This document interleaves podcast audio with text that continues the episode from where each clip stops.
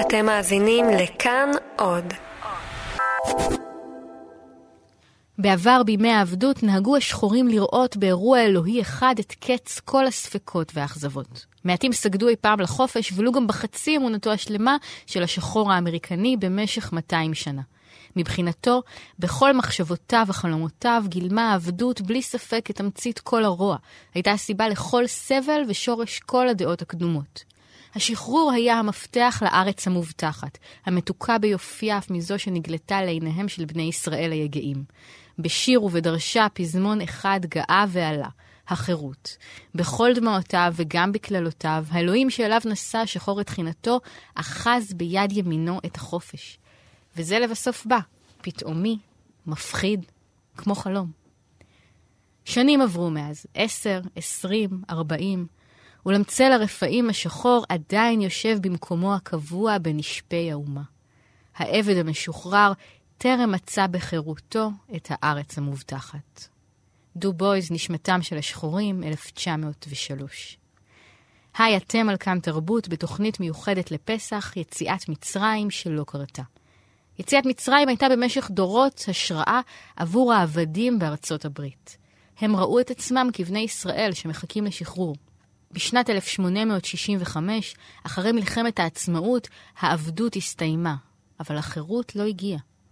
בשנת 1903 פרסם האינטלקטואל השחור ויליאם דובויז את הספר נשמתם של השחורים, מסמך פורץ דרך שתיעד את מצבם של השחורים אחרי ביטול העבדות, את החיים שלהם ואת החומות החדשות שנבנו סביבם, וגם את התרבות שלהם, את שירת העבדים שהפכה למוזיקת הבלוז והסול האמריקאי. לי קוראים צליל אברהם, ואני שמחה מאוד לשוחח היום עם דוקטור יעל שטרנר, היסטוריונית של ארה"ב במאה ה-19, אוניברסיטת תל אביב. שלום יעל. שלום, שלום. הוא כאילו מתאר יציאת מצרים שלא קרתה. כן, ואכן בשנת 1903 אה, נדמה שאולי יציאת מצרים קרתה, אבל אה, מתישהו במהלכה אה, בני ישראל עשו U-turn וחזרו אה, חצי או שני שליש מהדרך בחזרה לעבדות. אמ, וזה אכן פחות או יותר איפה שהדברים עומדים אה, מבחינתו אה, ב-1903, הוא חי באטלנטה, והולך ומתקשח לנגד עיניו, מה שמתחיל בתור אה, חוקים שעוסקים בסיטואציות ספציפיות, במדינה כזאת או אחרת, הופך להיות תוך כמה שנים לשיטפון של חקיקה שמייצר מציאות של הפרדה גזעית כמעט מוחלטת בכל תחומי החיים, ושלילת זכות ההצבעה של הגבר השחור, אה, בה הוא זכה אה, אחרי מלחמת האזרחים. אמרת קודם שהעבדות קרסה, אנחנו יודעים שהיא בוטלה ב-1865 באמצעות התיקון ה-13 לחוקה האמריקאית. למה הכוונה קרסה? העבדות קורסת במהלך מלחמת האזרחים האמריקאית, פחות או יותר מהרגע שבו צבאות הצפון פולשים אל תוך מדינות הדרום המורדות. ומציבים נוכחות קבועה של אה, חיילי צבא ארצות הברית, שמהרגע שהם מגיעים, צריכים להתמודד עם נחילים של גברים ונשים שזורמים אל המוצבים שלהם ומבקשים מקלט מהעבדות. אה, זה הדבר הראשון שקורה. זה הנושא של הדוקטורט שלך? כן, בין היתר, כן. זה בעצם הלב של הדוקטורט שלי, בעיקר אה, רגשית זה הלב של הדוקטורט שלי. אמ, הנחילים הללו מכריחים את ממשלת ארה"ב לקבל החלטות לגבי איך מתמודדים איתן. וההחלטות הללו מביאות בהדרגה לשחרור ממוסד של אה, כל העבדים שנמצאים במדינות המרד, כחלק מהמאמץ של אה, לחסל את המרד, כלומר לקחת מהמורדים את הנכס הכי יקר שיש להם, שהוא 40% מאוכלוסיית הדרום שמוחזקת בעבדות. הנכס הוא העבדים, כן. הנכס הכי יקר שיש כן, להם. זה, זה, זה 40% של כוח עבודה שיכול לעשות כל דבר. לבשל ולטפל בפצועים ולייצר נשק ולסלול דרכים ולחפור סוחות. בעצם כלכלת הדרום והעושר של הדרום בנויים על זה, על עבודה בחינם. בדיוק. התהליך שמתחיל עם הנחישות של העבדים לנצל את המציאות בשטח כדי לשחרר את עצמם, אה, מקבל הדרגה כמובן חיים משלו, שבו ממשלת ארה"ב אה, הולכת ונוקטת בצעדים יותר ויותר אסרטיביים אה, לחיסול העבדות, שבסופו של דבר אכן מסתכמים בתיקון השלושה עשר לחוקה. שמחסל את העבדות, מוציא אותה מחוץ לחוק בכל רחבי ארצות הברית. זאת אומרת, התיקון מגיע אחרי שכבר העבדים יצאו מהחווה. כן. עכשיו, צריך להדגיש, אה, לא מדובר על כל העבדים.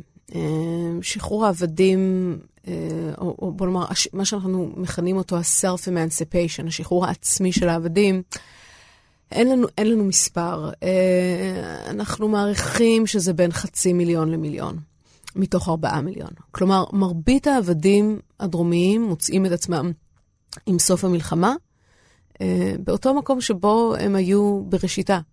בחוות ובאחוזות שבהן הם מוחזקים, ממתינים אה, לתוצאות. אה, ו- ולכן התיקון ה-13 לחוקה הוא מאוד משמעותי בזה שהוא סוגר לחלוטין כל אפשרות של חידוש משטר העבדות באיזה שהן דרכים בסוף המלחמה. אה, הוא מונע חקיקה ברמה המדינתית אה, שתעקוף חקיקה ברמה הפדרלית. תיקון לחוקה זאת הדרך הכי נחרצת בארצות הברית כדי לייצר מציאות כלל-לאומית, אה, ולכן הוא כל כך משמעותי. וכשהמלחמה מסתיימת, אה, זה ברור לכל מי שעיניו בראשו וגם למי שלא, שהעבדות כמוסד עברה מן העולם. אז התיקון עובר, מה קורה אחר כך? מה הדבר שקורה יום אחרי? יש המון תנועה החוצה. מהאחוזות והחוות, אה, שחלקה היא תנועה של אנשים שפשוט רוצים לקום וללכת ולהתחיל מחדש במקום אחר. והם לא יודעים לאן הם הולכים? פשוט? לא. אה, חלקם הולכים לעיר הקרובה, אה, חלקם הולכים לאיפה שהם שמעו שיש משרד של הסוכנות הפדרלית לטיפול בעבדים משוחררים. חלקם שמעו שבטקסס יש הזדמנויות תעסוקתיות מצוינות והם עוברים לשם.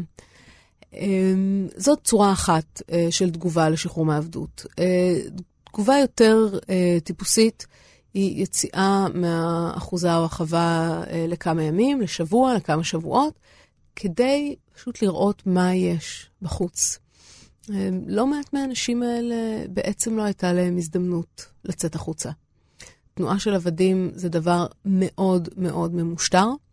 אי אפשר להחזיק מערכת של שעבוד אה, ללא שלילת חופש התנועה.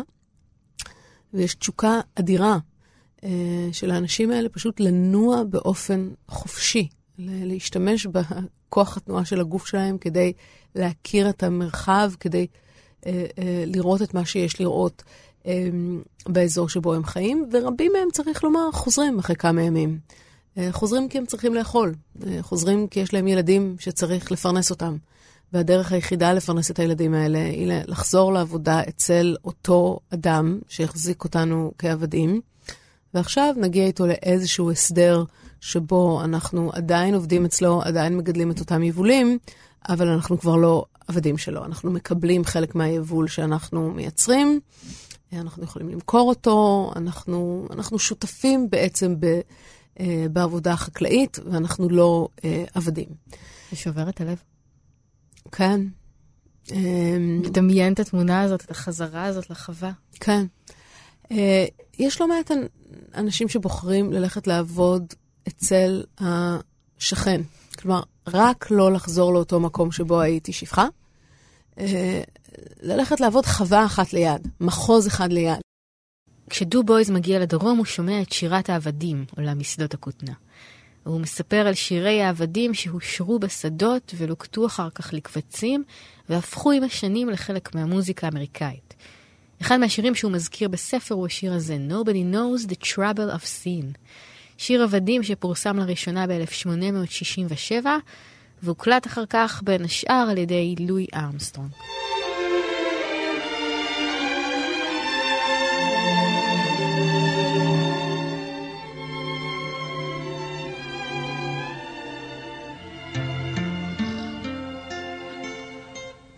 Nobody knows the trouble I've seen. Nobody knows but Jesus. Nobody knows the trouble I've seen. Glory, hallelujah. Sometimes I'm up, sometimes I'm down. Oh, yes, Lord. Sometimes I'm almost to the ground. Oh, yes, Lord. Nobody knows the trouble I've seen. Nobody knows but Jesus. Nobody knows the trouble I've seen. Glory, hallelujah.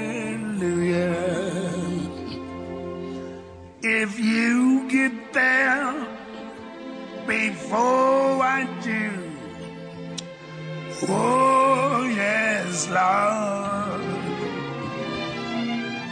Tell all my friends I'm coming to. Oh,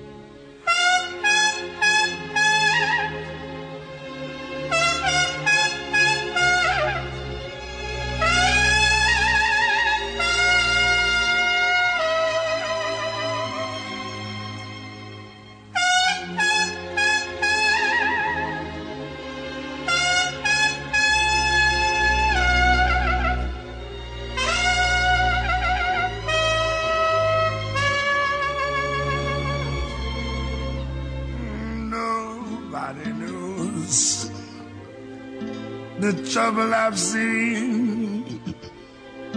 Nobody knows but Jesus. Nobody knows the trouble I've seen.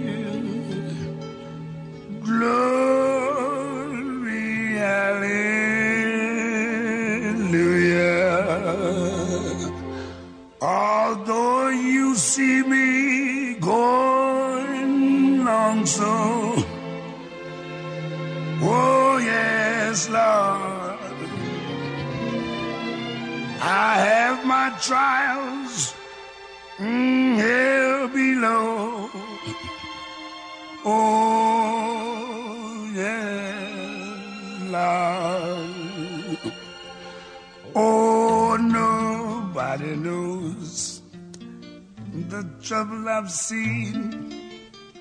Nobody knows but Jesus. Nobody knows the trouble I've seen.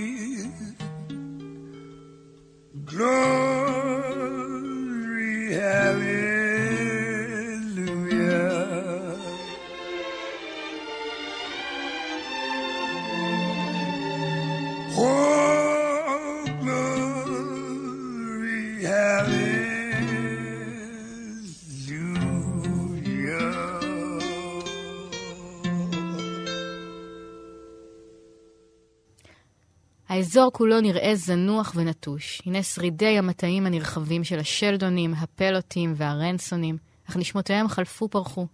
הבתים הרוסים למחצה או נעלמו לגמרי. הגדרות עפו, המשפחות נודדות בעולם. מצוקות החיים נתנו אותותיהן באדוני העבר האלה. תחושה בלתי נשלטת של דיכאון שורה עלינו אט-אט, למרות זוהר השמש ושדות הכותנה הירוקים. זוהי אפוא ממלכת הכותנה, צילו של חלום נפלא. אך מהיכן הוא המלך?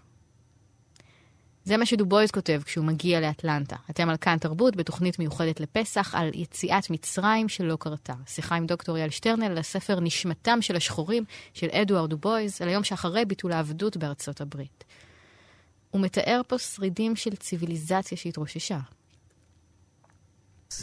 אמ, זה מעניין, כי אנחנו כבר בעצם שני דורות אחרי מלחמת האזרחים. כשהוא כותב. כן, והדרום הולך ומתעש. אה, הדרום הולך ועובר מודרניזציה עם רכבות ומפעלים, הערים שלו מתחילות לצמוח.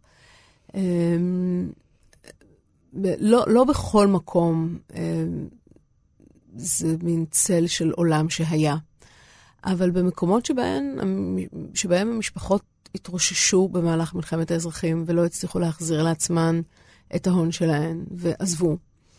אז כן, אז יש מין אה, אזורים כאלה שהם אה, כמו מונומנט אה, לדרום אה, של טרום מלחמת האזרחים, שהיה האזור הכי עשיר באמריקה, ושהאליטה שלו, בעלי העבדים הגדולים, אה, הסתובבו בעולם בתחושה של... אה, ניצחון מוחלט, אה, גם על השיטה הקפיטליסטית, גם על השיטה האמריקאית. הם היו אדוני הארץ במובן הכי מלא של המילה.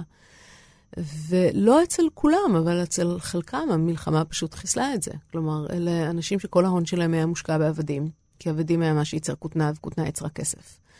אה, משפחות שלמשל לא השקיעו בריהוט יקר, או בחינוך מתוחכם מדי לילדים, כי כסף פנוי שימש לקנייה של עבדים. והעבדים ביום אחד איבדו את הערך שלהם. כלומר, אנחנו רואים בדרום אה, בסוף המלחמה מחיקה של שני שליש מההון הקולקטיבי של האזור. בעיקר בגלל אה, השחרור המלא אה, ללא פיצוי של העבדים. אז משפחה שהייתה מושקעת לגמרי בעבדים, הרבה פעמים באמת נשארה בלי כלום. אבל צריך לומר ש"דה בויז" מתאר כאן מקטע מסוים אה, של מציאות דרומית. הוא מדבר על החגורה השחורה. כן. הוא מדבר על האזור שהוא אה, האזור של גידול הכותנה בדרום. אה, באטלנטה, שבה הוא חי, אה, זו מציאות אחרת לגמרי. זאת עיר פורחת, אה, שעוברת אה, תהליכים מהירים של מודרניזציה. שיש בה גם מעמד אה, בינוני שחור עם משאבים וביטחון עצמי ותחושה של קהילתיות. זה המקום שיוליד את מרטין לותר קינג. אה, ויש בה כמובן גם אה, אליטה לבנה ומעמד בינוני לבן, אה, ש, שמתבססים עם הכניסה של רכבות ומפעלים וחברות מסחריות. זה העידן שבו קוקה קולה מתחילה אה, להתהוות בתור אימפריה כלכלית, וזה אטלנטה. והסיפור של דובויז מתחיל בעצם מאוחר יותר, נכון? הוא נולד ב-68, ב-1868, בצפון, במסצ'וסטס. נכון. ו- ומתי הוא מגלה בכלל את הדבר הזה, את המצב בדרום? דובויז מגיע דרומה קודם כל כדי ללמוד לתואר ראשון. הוא חולם ללכת להרווארד, אבל הוא לא יכול להרשות את זה לעצמו. אז הוא הולך ללמוד באוניברסיטת פיסק בטנסי, שהיא אוניברסיטה אה, כל שחורה. אה, הוא מסיים שם אה, תואר, ואז מקבל מלגה להרווארד וחוזר אה, לבוסטון. וזה המגע הראשון שלו עם הדרום. אה, והוא מגע אה, מאוד משמעותי. כלומר, להגיע ממסצ'וסטס שעל כל גזענותה ועיוורונה וכולי וכולי, להגיע... לאזור בארצות הברית שבו אדם שחור לא יכול לשתות מאותה ברזייה כמו אדם לבן. זה שוק. הוא בעצם מלווה את התנועה לזכויות האזרח, או את תנועת, אני לא יודעת איך לקרוא לזה כשזה לאורך כל כך הרבה שנים, נכון? זכויות האזרח זה הרבה, הרבה יותר מאוחר, כן. אבל הוא מלווה את המאבק לשחרור של השחורים מה... כמעט לכל אורך כן, השנים שהוא זה, קיים. זה מאבק החירות השחור, ה-Black Freedom Struggle. זה הביטוי שהוא הכי בשימוש על ידי אנשים שעוסקים בזה. ו- והוא עושה את זה גם כהיסטוריון, כסוציולוג, כפעיל חברתי, כמנהיג פוליטי, ואמרת קודם האינטלקטואל.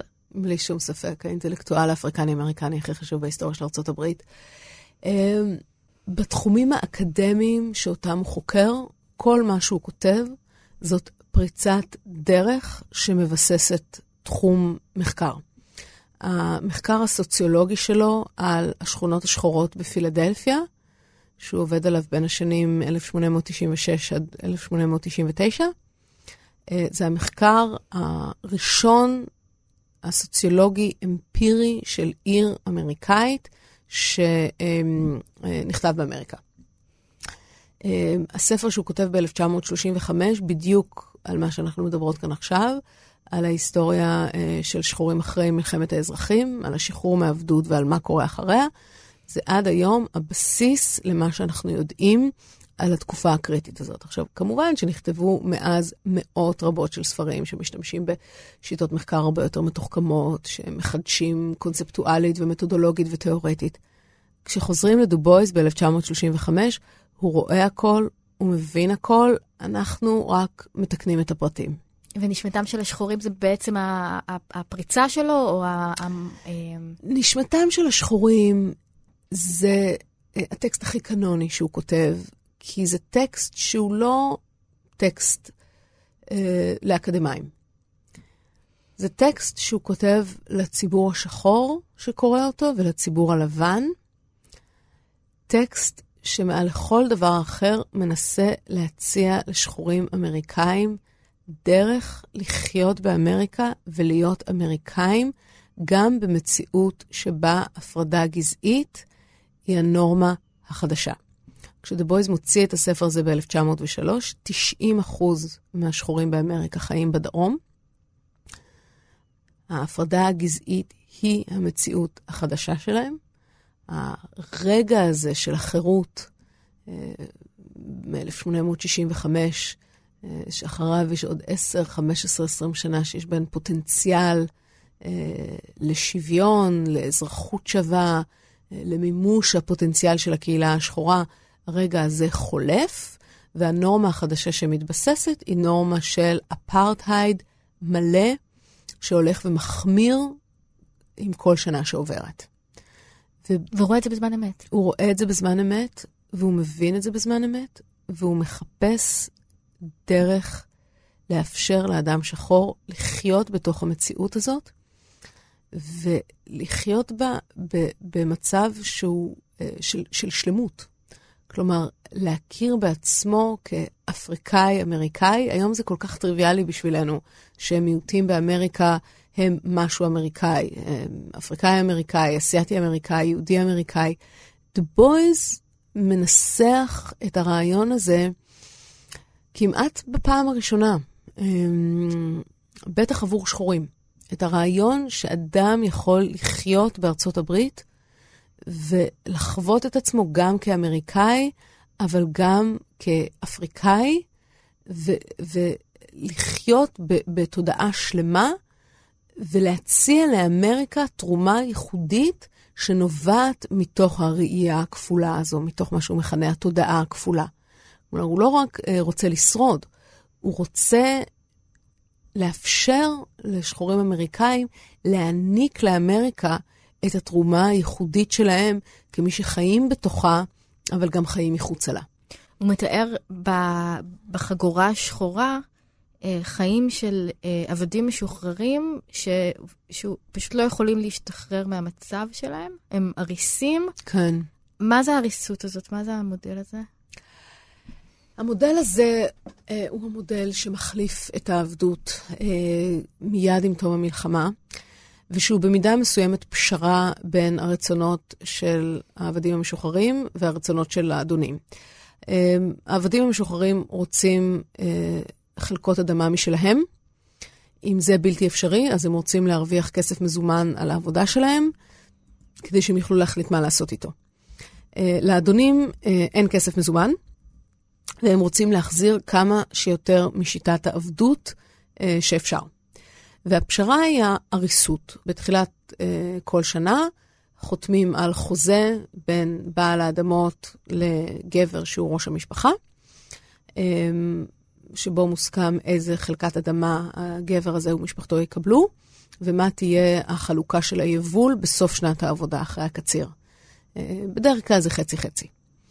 אמ, ו- ואז הפועל ומשפחתו יגדלו את הכותנה במשך אמ, השנה, וכשיגיע הסתיו, ימכרו את הכותנה בהתאם למחיר שלה בשוק הבינלאומי, ואז אה, יוכרע כמה אה, כסף מגיע אה, לפועל. עכשיו, זאת שיטה שהיא מאוד בעייתית מלכתחילה, אבל מה שהופך אותה לעוד יותר בעייתי, הוא שבמהלך השנה הזו הפועל ומשפחתו צריכים לאכול, להתלבש, להשתמש בכלי עבודה, אה, הצרכים הכי בסיסיים של החיים.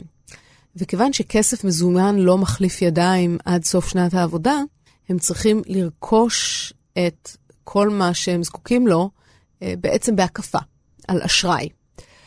כאשר האדם היחיד שאפשר לרכוש ממנו את הדברים האלה הוא בהרבה מקרים בעל האדמות, או אה, שותף שלו, מקביל שלו, שהוא הסוחר המקומי.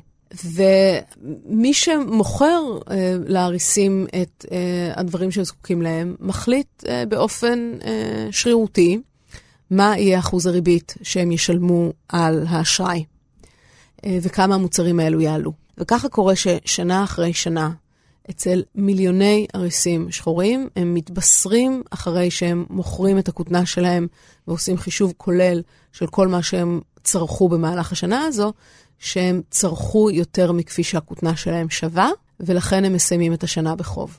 אז החוב מחליף את העבדות בעצם.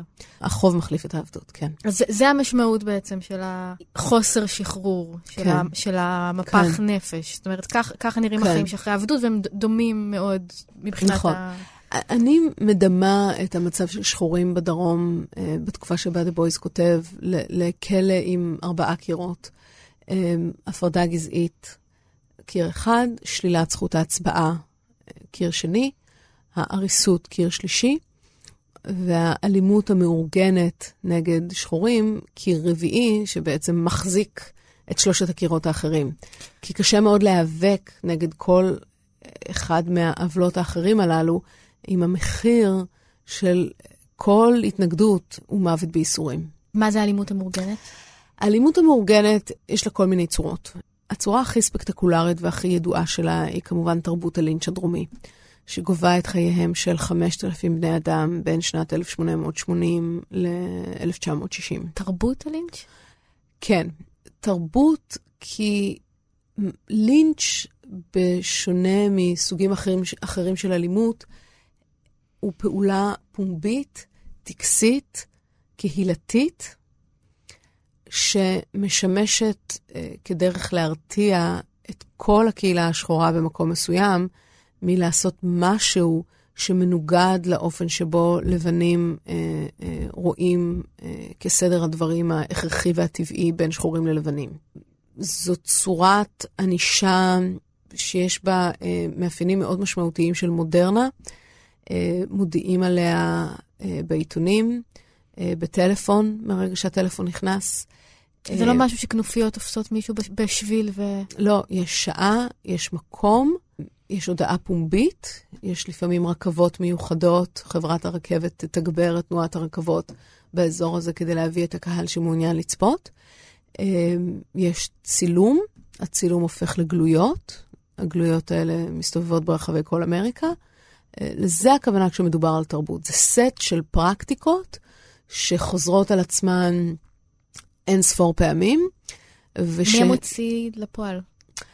הם קהילות מקומיות. אה, הרבה פעמים דפוס מאוד אה, שגור אה, זה שאישה לבנה נאנסת, גבר שחור כלשהו, בדרך כלל מקרי לחלוטין, מואשם באונס שלה, הוא נכלא, אה, הוא נעצר, נכלא בבית הכלא המקומי, אה, מגיע המון, פורץ את הכלא. אה, השריף וראש העיר עומדים וסופקים ידיים, וההמון לוקח את האיש ומוציא אותו להורג בעינויים. זה גם כן משהו שהוא מאוד משמעותי. כלומר, העינויים הם, בגלל שכל העסק הוא כל כך, כל כך פומבי ונועד להיות פומבי, אז האופן שבו מענים את הקורבן, הוא גם דרך לייצר את, אה, את אפקט העירוב ועיראו שהם מחפשים. אה, אז אה, אה, כריתה של אצבעות וסירוס, כמובן, שהוא מאוד סימבולי בדרך להבהיר לכל גבר בטווח של 500 מייל, שהלבנים עדיין יכולים לסרס שחורים, עדיין יכולים לקחת מאדם שחור את הגבריות שלו, גם אם אה, החוקה עכשיו קובעת שמותר לו להצביע בבחירות. בדרך כלל שורפים אה, את הקורבן חי, כלומר מעלים אותו באש. אה, זה, זה עסק אה, לא רק מאוד אכזרי, אלא גם מאוד אה, מתוכנן ומאוד מודע, אה, ועם הרבה חזרתיות. כלומר, קהילות מחקות אחת את השנייה. אה, והאפקט הציבורי של זה מתעצם אה, ככל שיש יותר מידע שמסתובב, ככל שיש יותר גלויות, ככל שיש יותר סיפורים בעיתונים. אז זאת דרך מאוד אפקטיבית להרתיע אדם, לא רק מלאנוס אה, אישה, שזה משהו שצריך לומר, הרוב המוחלט של הגברים השחורים נמנעים מלעשות, אלא לפתוח חנות מצליחה מדי, אה, לרכוש חלקת קרקע, כי הוא מרוויח פנסיה בתור חייל משוחרר מהצבא הפדרלי, אה, והצליח לחסוך, ועכשיו הוא יכול להפוך להיות בעל קרקעות. כי מה, כי אם הוא ירכוש קרקע אז יעשו בו לינץ'? כן, כי, כי להפגין עצמאות, אסרטיביות, אה, להפגין תזוזה מהמרחב המאוד צר שבו לבנים מוכנים לאפשר לשחורים לחיות בתור אה, אנשים חופשיים, אה, זה לשים את נפשך בכפך. אני חייבת לשאול, כשמתעסקים בחומרים האלה באופן יומיומי, מתרגלים לזה? כן, כי, כי זה נורא כן, מצמרר. כן. כלומר, כשאני מלמדת את זה באוניברסיטה, אז אה, הסטודנטים בדרך כלל די המומים, אה, ואני רואה את זה בפעם העשירית, אה, ואני כבר לא המומה. אה, אבל כן יש איזה זעם. כן. אה, בהחלט. הפרק האחרון בספר נקרא שירי התוגה, מספרים את האמת, ודובויז כותב בו על שירי העבדים. אינני מבין הרבה בענייני מוזיקה, ואינני יכול לומר דבר במונחים מקצועיים, אבל אני יודע משהו על בני אדם. ובהכירי אותם, אני יודע שהשירים האלה הם המסר המובהק של העבד לעולם. בימינו מספרים לנו בלהיטות כי חיי העבד השחור היו עליזים, חסרי דאגה ומאושרים. אבל אפילו לכל הדרום, כפי שהיה בעבר, היה קם לתחייה, הוא לא היה מסוגל להפריך את העדות הנוגעת ללב של מרבית השירים האלה. זו מוזיקה של אנשים בלתי מאושרים, של ילדים שידעו רק אכזבה. אחד מהשירים שהוא מדבר עליהם ומצטט אותם בספר נקרא Steal Away, זה שיר סול שחור שתועד לראשונה ב-1862, ואומרים שהמילים שלו הן קוד, שהעבדים השחורים היו שרים אותו בשדות ומעבירים ככה מאוזן לאוזן את המידע איך להימלט. הביצוע הזה הוא של מהליה ג'קסון ונט קינג קול.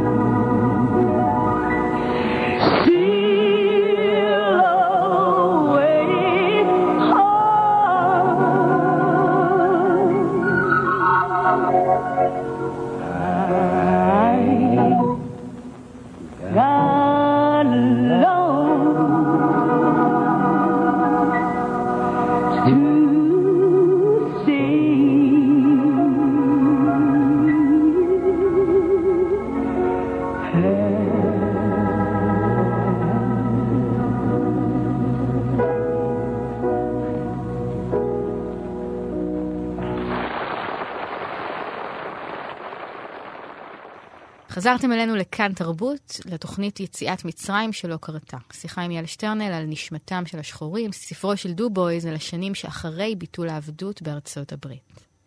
אמרת שיש ארבעה קירות, ואחד מהם הוא הפרדה הגזעית. מתי ההפרדה הגזעית מתחילה לקרות? החוק הראשון עובר ב-1881 בטנסי, והוא עוסק בקרונות רכבת. הוא מסדיר אה, שיטה שבה יש קרונות רכבת, אה, מחלקה ראשונה נפרדים לשחורים ולבנים. והחוק הספציפי הזה, שבא לענות על צרכים ספציפיים, הופך להיות מודל גם לחוקים אחרים בטנסי, וכמובן לחוקים בכל מדינה דרומית אחרת. עכשיו, צריך לומר שהחוק הזה לא אה, לוקח מציאות שבה שחורים ולבנים חיים ביחד וחולקים אה, שירותים ציבוריים אה, ומפריד אותם. אה, זה יותר מורכב מזה. למשל, ילדים לבנים וילדים שחורים מעולם לא למדו באותו בית ספר בדרום. לא לפני העבדות, לא אחרי העבדות, אה, לא. זה, זה פשוט לא חלק מאורח החיים הדרומי. אה, ולכן ביטול ההפרדה הגזעית אחרי 1954 בהחלטת בית המשפט העליון, Brown versus Board of Education, היא, היא דבר שקשה עד בלתי אפשרי אה, ליישם אותו, בגלל שהוא... הוא, הם חיים בנפרד. כי, כי ב- בתחומים מסוימים החיים הם, הם מופרדים לגמרי, אבל בתחומים אחרים, לא. בתחומים אחרים, אה, למשל, אם אנחנו מסתכלים על רכבות, המעמד הבינוני, אה, המעמד הגבוה, השחור, נוסע בקרונות מחלקה ראשונה. אה, לכן צריך קרונות מחלקה נפ... אה, ראשונה נפרדת לשחורים, בגלל שיש מספיק שחורים שיכולים להרשות לעצמם קרון מחלקה ראשונה, ודורשים לנסוע בקרון מחלקה ראשונה, דורשים לקנות את הכרטיס ודורשים להשתמש בו. אה, ולכן צריך להסדיר את זה. צריך למצוא דרך לאפשר לאדם שחור לממש את זכותו החוקית לנסוע בקרון מחלקה ראשונה, אבל מבלי שאדם לבן יצטרך לסבול את הנוכחות שלו. אז ככה מתחילה המערכת הזאת. היא מערכת שלמעשה באה לענות, זה אחד הפרדוקסים של היסטוריה אפריקאית-אמריקאית, שהמערכות של הפרדה אה, באות לענות על צרכים אה, שנובעים מהתקדמות כלכלית, מביטחון עצמי חדש, מהזדמנויות חדשות שיש לשחורים אחרי השחרור מעבדות. אה, ולכן צריך למצוא דרך אה, להמשיך לחיות בצורה שלא גורמת לשחורים להרגיש שהם שווים ללבנים, אבל שעדיין אה, מאפשרת להם את זכותם החוקית לנסוע באיזה קרון מחלקה שהם רוצים. יש לי פה שאלה ברשימות שעכשיו נראית לי קצת נאיבית. רציתי לשאול אותך האם החירות הוחמצה. אבל זה לא נשמע שהיא הוחמצה כי... כי לא דאגו לשיקום כלכלי או לחינוך, אלא שאיש לא היה מעוניין בה. לא, זאת לא שאלה נאיבית, כי, כי אנחנו מדברות על ציבורים שונים. למה הממשלה הפדרלית לא נוקטת בצעדים אקטיביים כדי לשקם את הציבור השחור שיוצא מעבדות? אה, זו שאלה חשובה. והוא עוסק בה, הוא כותב על המשרד לענייני שחורים. כן, שזה בעצם הסוכנות, סוכנות הסעד הממשלתית הראשונה באמריקה. שמתאר אותה ככישלון מוחלט. אז היום אנחנו כבר לא חושבים שהיא כישלון מוחלט. אה, אני חושבת שגם הוא לא חושב שהיא כישלון מוחלט. היום אנחנו רואים אותה כתופעה היסטורית מורכבת, שהיו בה אה, פריצות דרך אדירות בקונספציה של מה הממשלה חייבת לציבור. עצם זה שיש בכלל גורם ממשלתי שחייב משהו למישהו, זה שינוי באופן שבו האמריקאים חושבים. אה, עצם זה שהממשלה הפדרלית מקימה סוכנות שהתפקיד שלה הוא לטפל בעניים ביותר, בנזקקים ביותר, בפגיעים ביותר, אה, זה דבר משמעותי. והמשרד הזה מצליח לעשות אה, לא מעט. הוא הדבר היחיד שמונע, הוא וכוחות הכיבוש של הצבא הפדרלי, זה, זה מה שמונע רצח המוני של שחורים אחרי מלחמת האזרחים. עדיין לא מעט מהם נרצחים בדיוק באופן שבו דמיינת את זה קודם. אה, תופסים מישהו שלא בא לנו טוב בשביל בלילה, ופשוט תוקעים לו שני כדורים ובזה זה נגמר. אה, אף אחד לא צריך אותו עכשיו, הוא כבר לא שווה כסף. מה שהגן על החיים של שחורים בתור עבדים זה שהם היו נורא יקרים. ברגע שהם מפסיקים להיות עבדים, אה, אין, אין שום סיבה לא להרוג אותם. והעובדה שצבא הכיבוש הפדרלי כן נשאר בדרום, ושסוכנות הסעד הממשלתית אה, שעוסקת בעבדים משוחררים, יש לה איזושהי נוכחות. זה פחות או יותר מה שעומד בין אה, טבח המוני או צורות עוד יותר נוראיות של אלימות אה, לבין העבדים המשוחררים.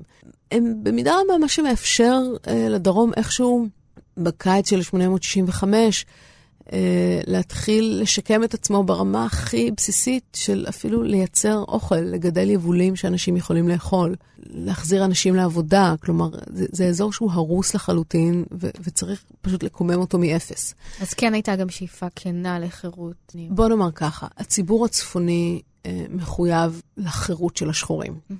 הוא לא מחויב לשוויון הזכויות שלהם. חירות ושוויון זה לא אותו דבר. הרעיון שעבדות היא מוסד נקלה שלא עולה בקנה אחד עם העקרונות של הכרזת העצמאות האמריקאית, זה ב-1865 קונצנזוס בצפון. אבל השאלה אם לא עבדים, אז מה כן, היא שאלה הרבה יותר מסובכת. נניח אנחנו מסכימים ש, שאנחנו לא יכולים להחזיק עבדים במדינה שהצהרת העצמאות שלה אומרת ש- all men are created equal. אז האם הם אזרחים? האם הם יכולים להצביע בבחירות? האם אנחנו חייבים להם משהו? ו- ועל זה הרבה יותר קשה לגייס קונצנזוס, וצריך לומר שכאן גם האידיאולוגיה האמריקאית של עזרה עצמית ולהתקדם לבד בסולם החיים, ומה שנקרא self-made man, אה, גורמת לרוב אה, גדול של אמריקאים להתנגד לכל תוכנית של צדק חלוקתי, להתנגד לכל ניסיון, לא רק לשחרר את העבדים, אלא גם אה, לאפשר להם איזושהי דרך להתחיל את החיים שלהם כבני אדם עצמאיים מבחינה כלכלית. אה, חינוך ציבורי ממילא אין בדרום, אה, וייקח עוד הרבה מאוד זמן עד שיהיה. והשאלה של באיזה בתי ספר שחור, ילדים שחורים צריכים ללמוד, האם הם בכלל צריכים ללמוד, או שהם פשוט נידונו להיות פועלים חקלאיים, אלה לא שאלות שיש לגביהן קונצנזוס. וזה מגיע לעניין הבעיה, הציטוט הכי מפורסם מהספר הזה של איך זה להיות בעיה. אני אקריא את זה גם? בטח. ביני לבין העולם האחר עומדת תמיד שאלה שאינה נשאלת. אחדים אינם שואלים אותה בשל אנינות רגשותיהם, אחרים בשל הקושי בניסוחה הנכון. אבל כולם מרפרפים סביבה.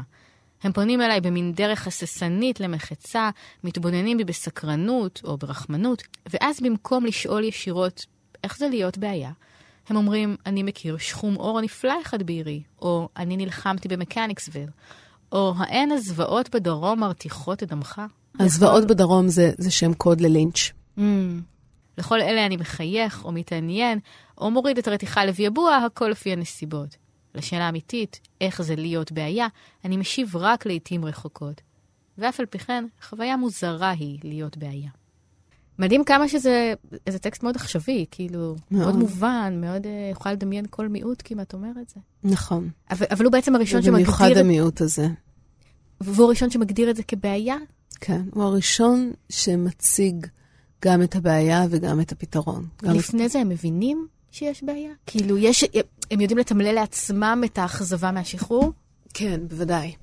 אמ, הרעיון של להיות בעיה, אה, זה רעיון ש, שרוב השחורים יכולים לנסח באופן כמעט אינטואיטיבי. הגדולה של דה בויז זה שהוא מציע את הרעיון של התודעה הכפולה, שאפשר להיות שחור ואמריקאי, ושזה לא רק כורח, אלא שיש בזה גם יופי וייחודיות, משהו להתגאות בו ו- ולממש אותו. וזה בעצם הביטוי השני שהוא תובע פה, המסך, הווייל. הוא כותב, הכושי, כך במקור, הוא מעין בן שביעי שנולד עם מסך. והוא מחונן בחוש שישי בעולם האמריקני הזה, עולם שאינו מעניק לו מודעות עצמית אמיתית, אלא מתיר לו לראות את עצמו רק דרך התגלות העולם האחר. תחושה מוזרה היא זו, תודעה כפולה. תחושה זו של ראיית עצמך תמיד דרך ראייתם של אחרים. שלומדה נשמתך באמת המידה של עולם שמתבונן בך בבוז משועשע וברחמים. אתה חש תמיד בשניותך, אמריקני, שחור.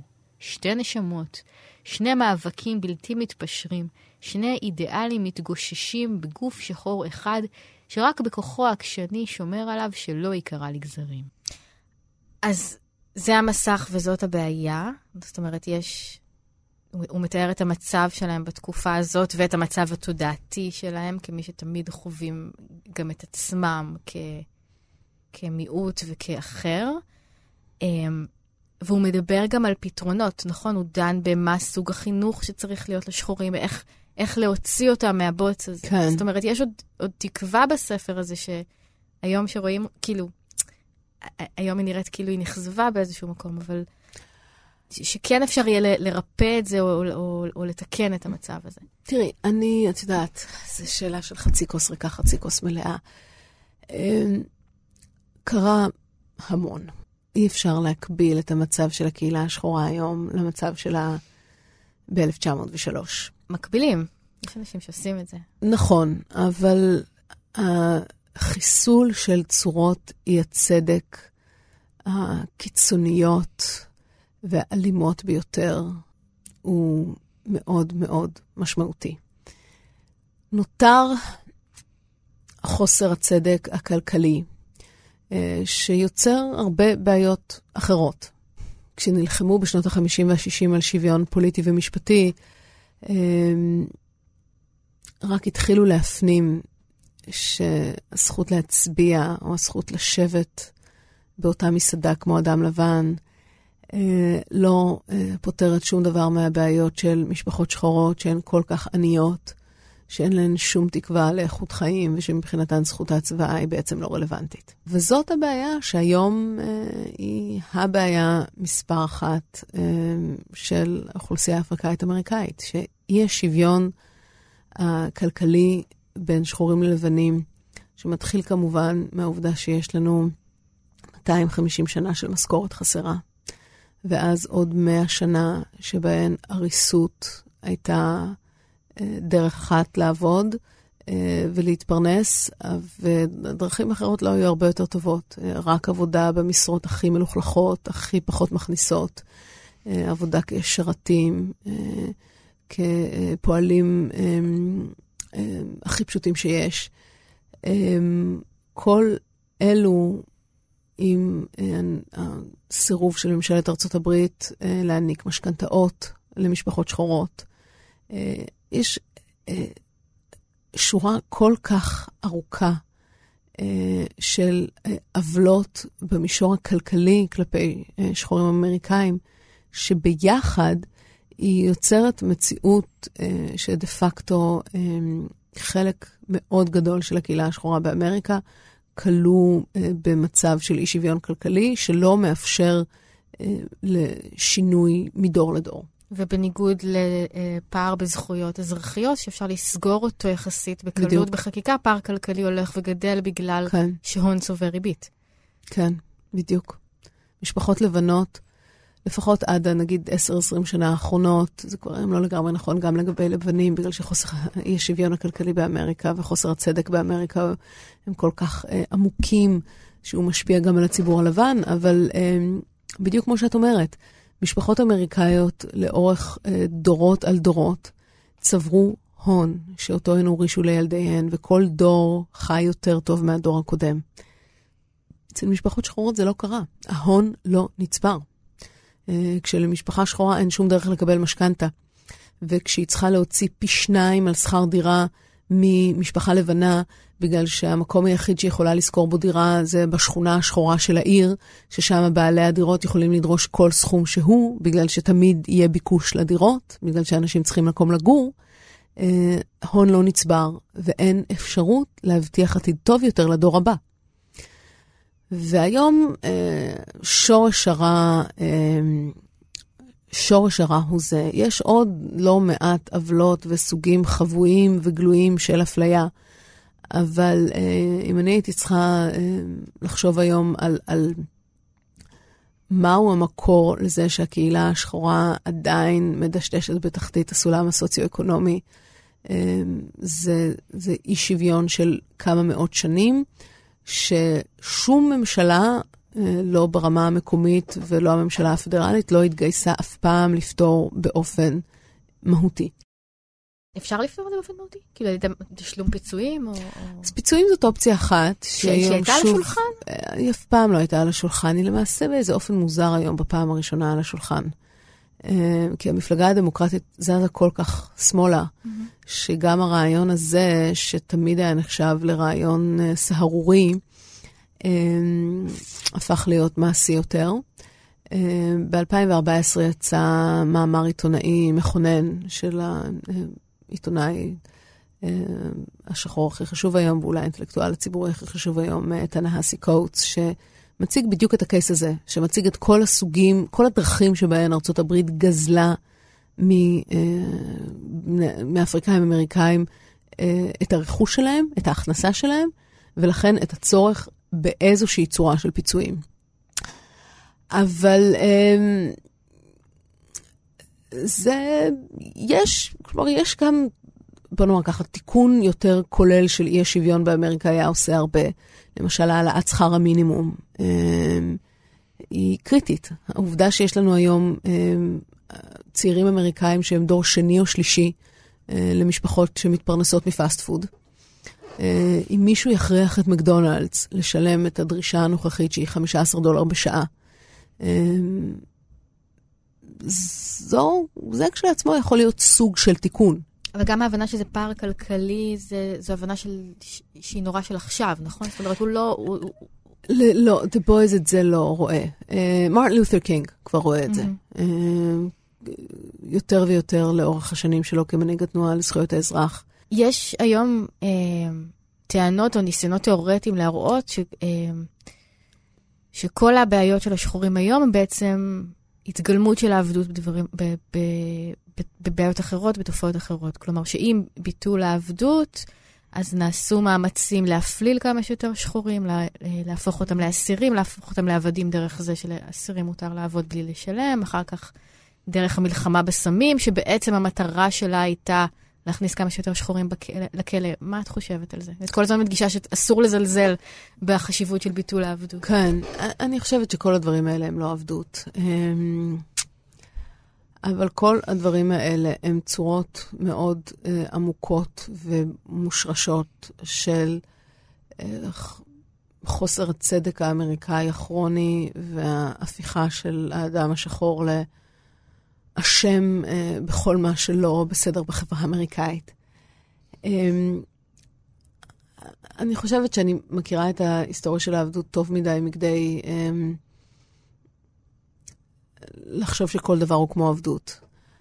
אבל בוא נאמר שמדיניות הסמים האמריקאית אה, מאז 1970, והאופן שבו היא דנה אה, דורות שלמים של גברים שחורים לישיבה בכלא, אה, ולחוסר יכולת להשתקם מישיבה בכלא, כי גם מנגנונים של שיקום אין באמריקה, בוודאי שאין לגברים שחורים. זאת דרך של המדינה האמריקאית להמשיך ולוודא ששחורים לא יאיימו על מה שנתפס בתור המרקם החברתי הרצוי. זה תמיד אותו גלגול של הפחד הלא רציונלי, חסר הבסיס, צריך לומר. פשוט זה חסר בסיס עובדתי, זה חסר בסיס עובדתי בעבדות, זה חסר בסיס עובדתי בימי אה, אה, האפרטהייד, וזה חסר בסיס עובדתי היום.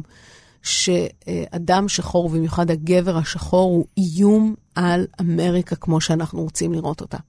זה, אם, אם יש דפוס של המשכיות, זה זה. זה, זה הפחד לא רציונלי, חסר בסיס עובדתי, של לבנים מאנשים עם אה, אה, מאפיינים פיזיולוגיים אפריקאים. ובמובן הזה יש אה, זיקה הדוקה לעידן העבדות.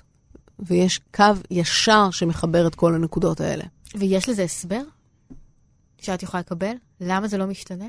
מה יש לכם? אני לא בטוחה שאנחנו בעמדה להטיף מוסר בעניינים האלה. אמ, גם כאן בארץ, כשהתחילו להגיע אנשים עם מאפיינים פיזיולוגיים אפריקאים, אמ, המדינה מקיאה אותם. למה השונות הפיזית בין שחורים ללבנים ממשיכה להיות מקור אה,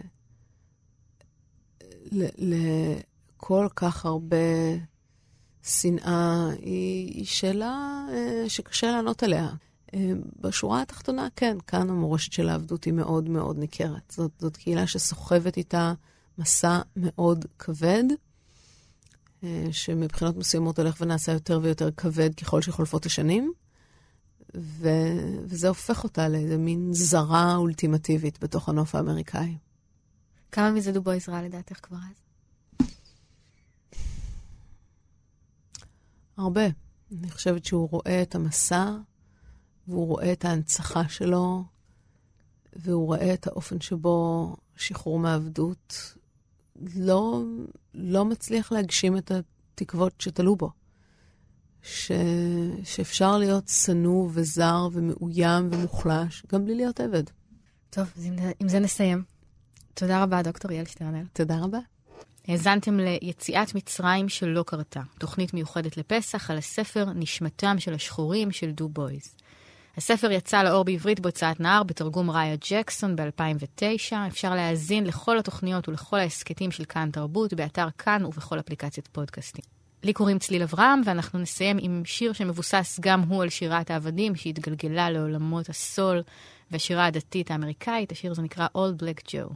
מועדים לשמחה. Gone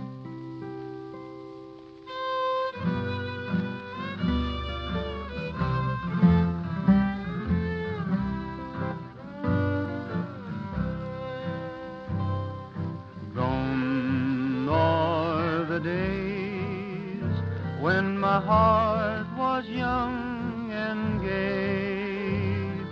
Gone are my friends from the cotton fields away. Gone from the earth to a better land I know. I hear their gentle voices calling.